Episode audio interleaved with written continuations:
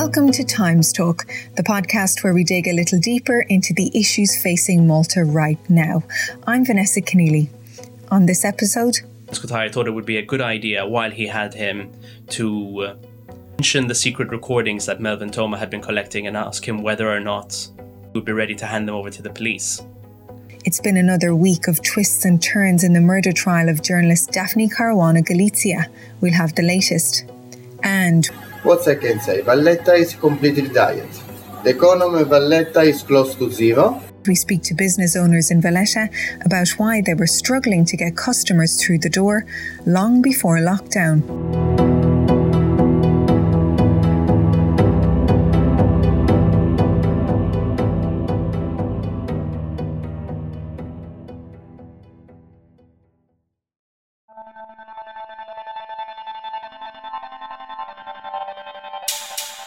It's an investigation that continues to draw in more and more suspects.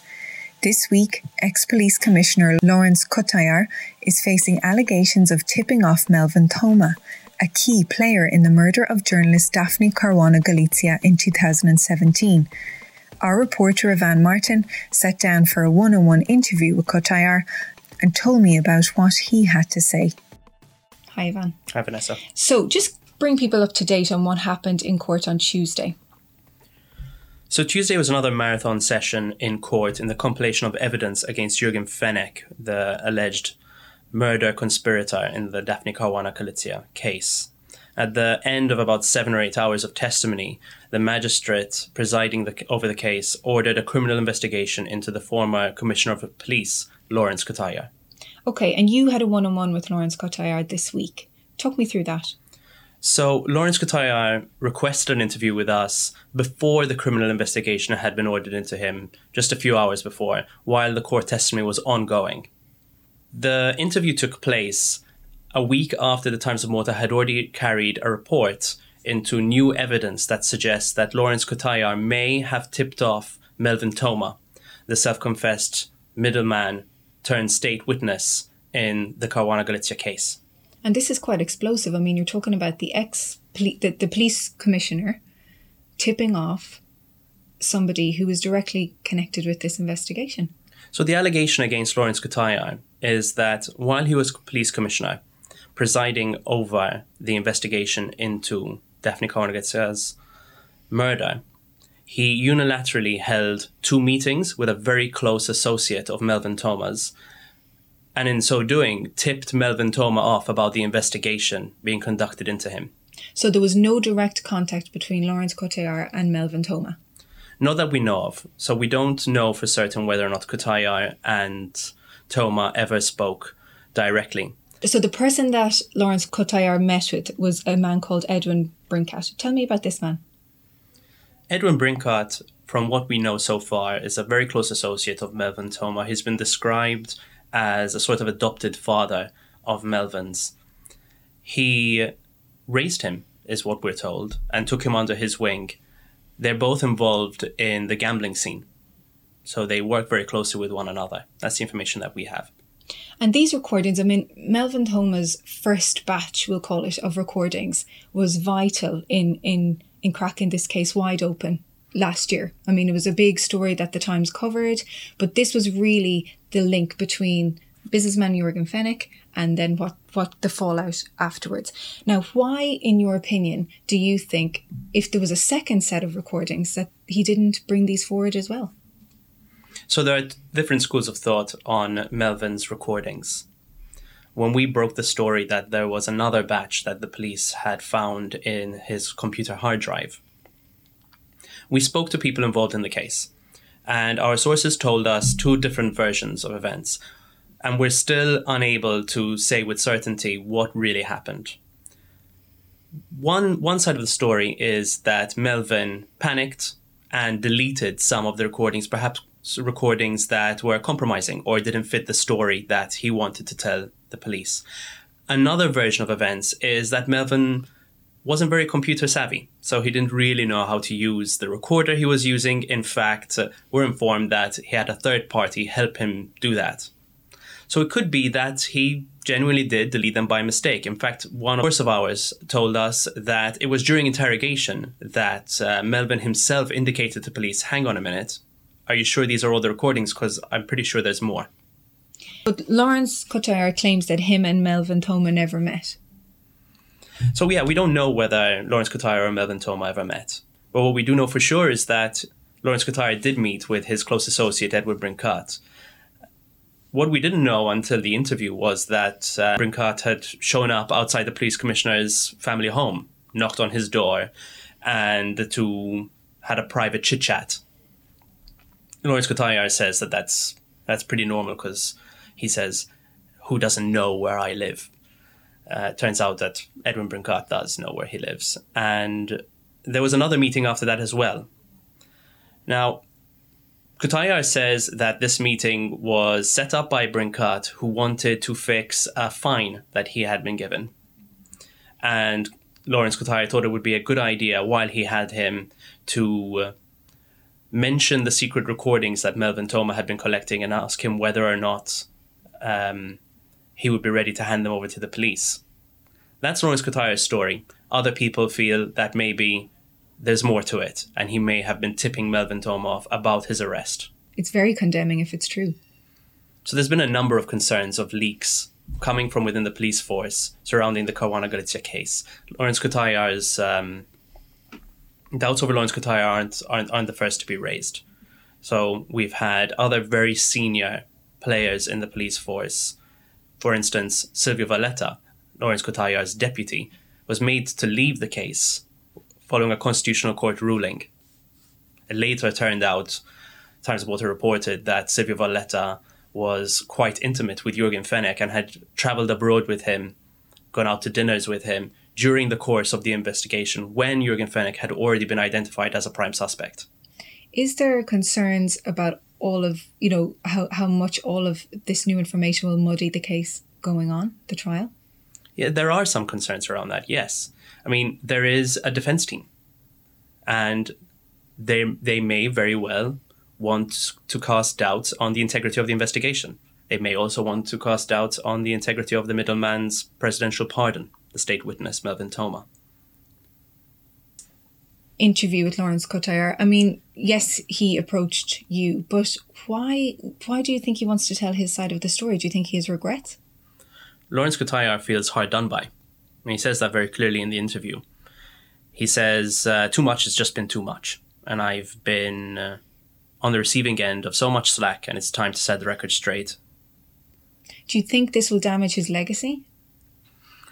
Well, Lawrence Cutajar has been facing uh, calls for his resignation ever since 2017. So shortly after Daphne was assassinated, there were protests and protesters marching down the streets of Valletta, gathered outside police headquarters calling for his resignation. And to be honest, there were people who felt he was unfit to lead the police force even before Daphne was killed. And Daphne herself, I mean, did she have any relationship with Lawrence Cutajar? So Lawrence Cutajar first really hit the headlines when um, there was a lot of attention around a very controversial bank called Pilatus Bank, and when the owner of the bank had flown into Malta on a late night chartered flight, just as serious corruption allegations surrounding that bank were, were coming out, and Daphne was, was, was very central in reporting on those. Lawrence Cutajar went out for a traditional rabbit dinner with his buddies and was approached by a journalist and said, I'm out having dinner and there's nothing wrong with that. And there are a lot of people who are outraged by that. So very early on, actually, in Lawrence Cutajar's uh, tenure as police chief, there were there were concerns.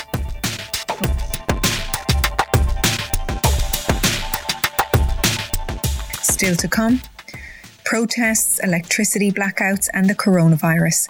We'll hear from business owners in Valletta about how they've been coping in the capital.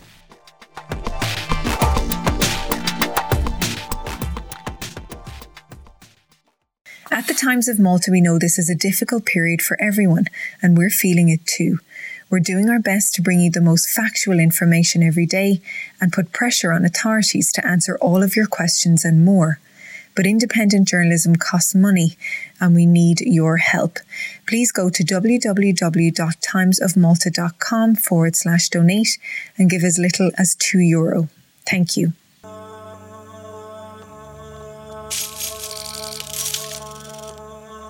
It's hard to remember life before lockdown, but for many businesses in Valletta, it's when their financial woes began.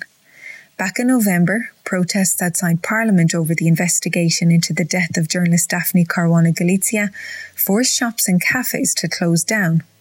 That was followed by a series of power cuts, which badly affected the Christmas shopping period. Then came COVID 19, which saw another three months of no foot traffic. I covered how dozens of these businesses were affected in November and December, so decided to go back and see how they were doing now. I began with the Capital souvenir shop.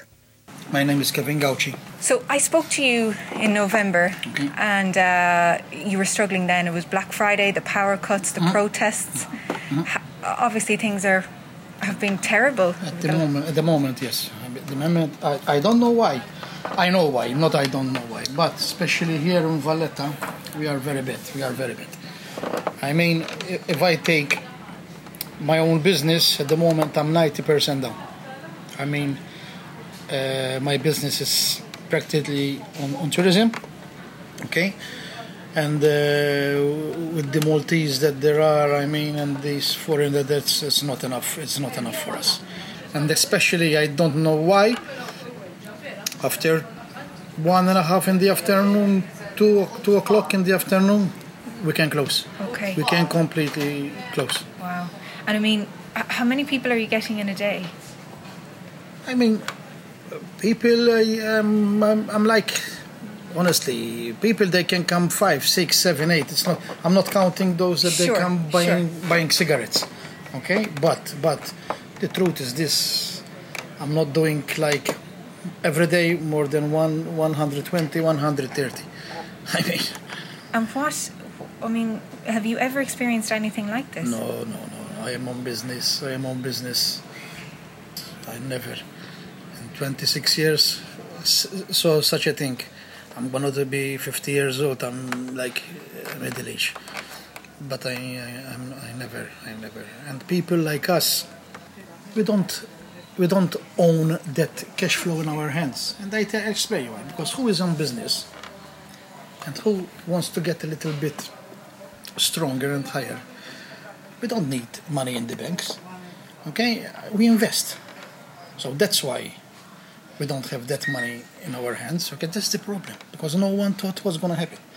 But, the, but you did get the subsidy for your employees. Pardon me? You got the subsidy. Yes, yes, okay. yes, yes, yes. Okay. That, that's why. That's why I kept them. Yes. That's why I kept them because yeah. I don't. I'm not hiding from the thing. If if he didn't give us nothing. Uh, yeah. From the first day, I yeah. I sent I sent them off. At the moment, me and my wife, yeah. we can run the business. Okay. And we are in Republic Street, Valletta. Don't forget it.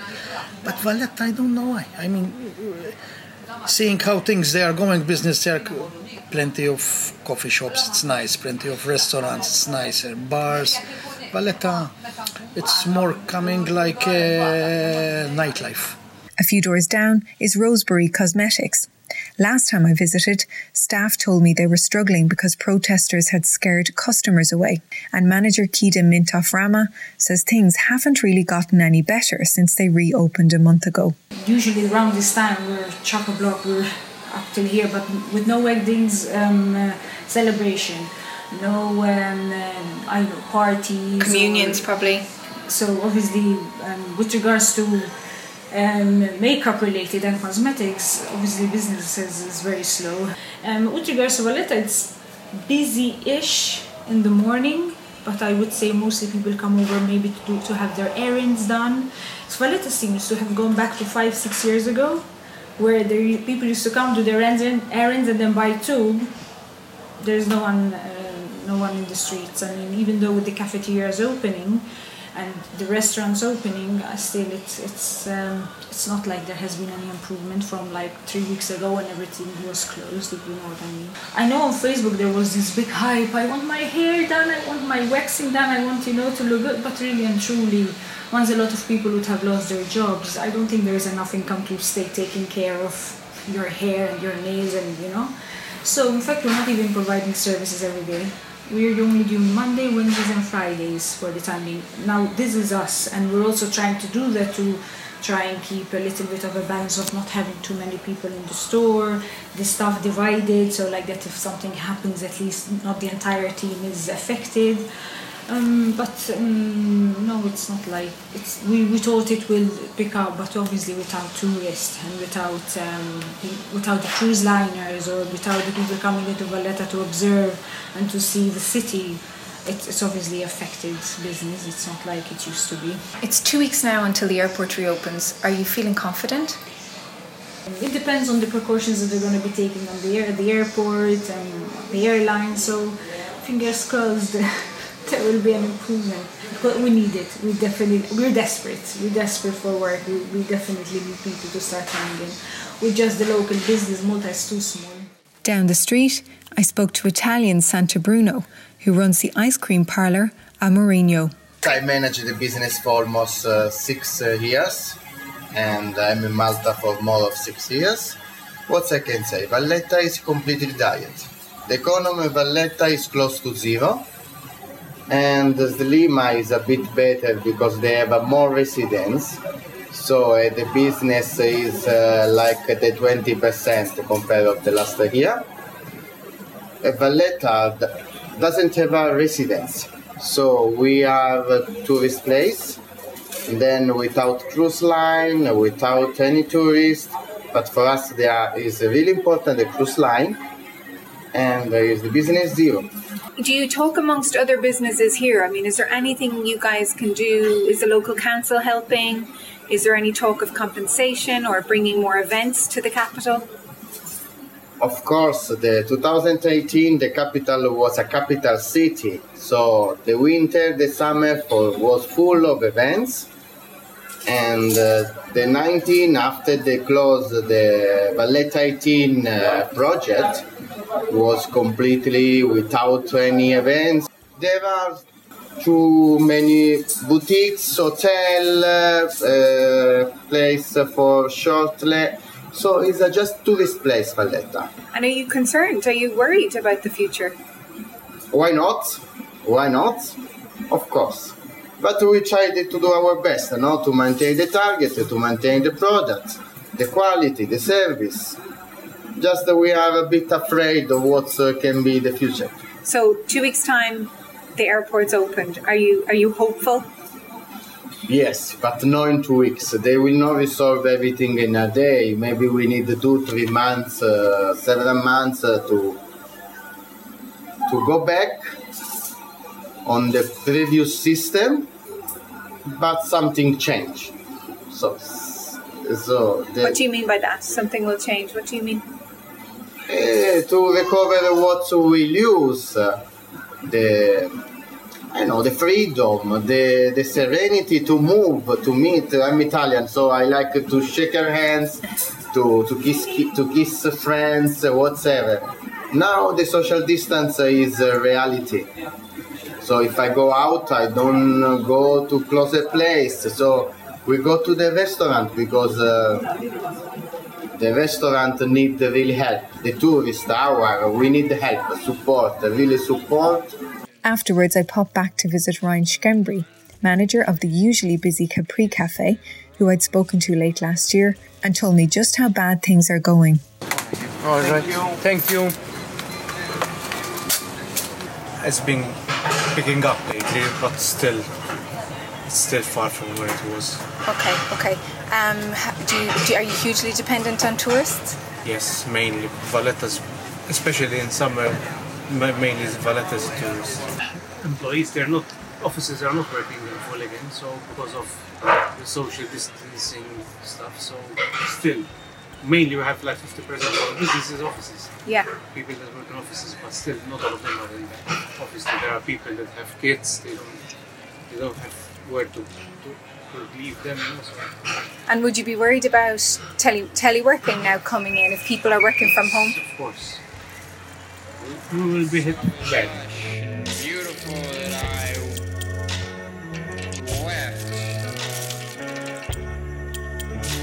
Thanks for listening today. Please take the time to rate and review us wherever you get your podcasts. And if there's any topics you'd like us to investigate, feel free to contact us at the email address timestalk at timesofmalta.com. Goodbye.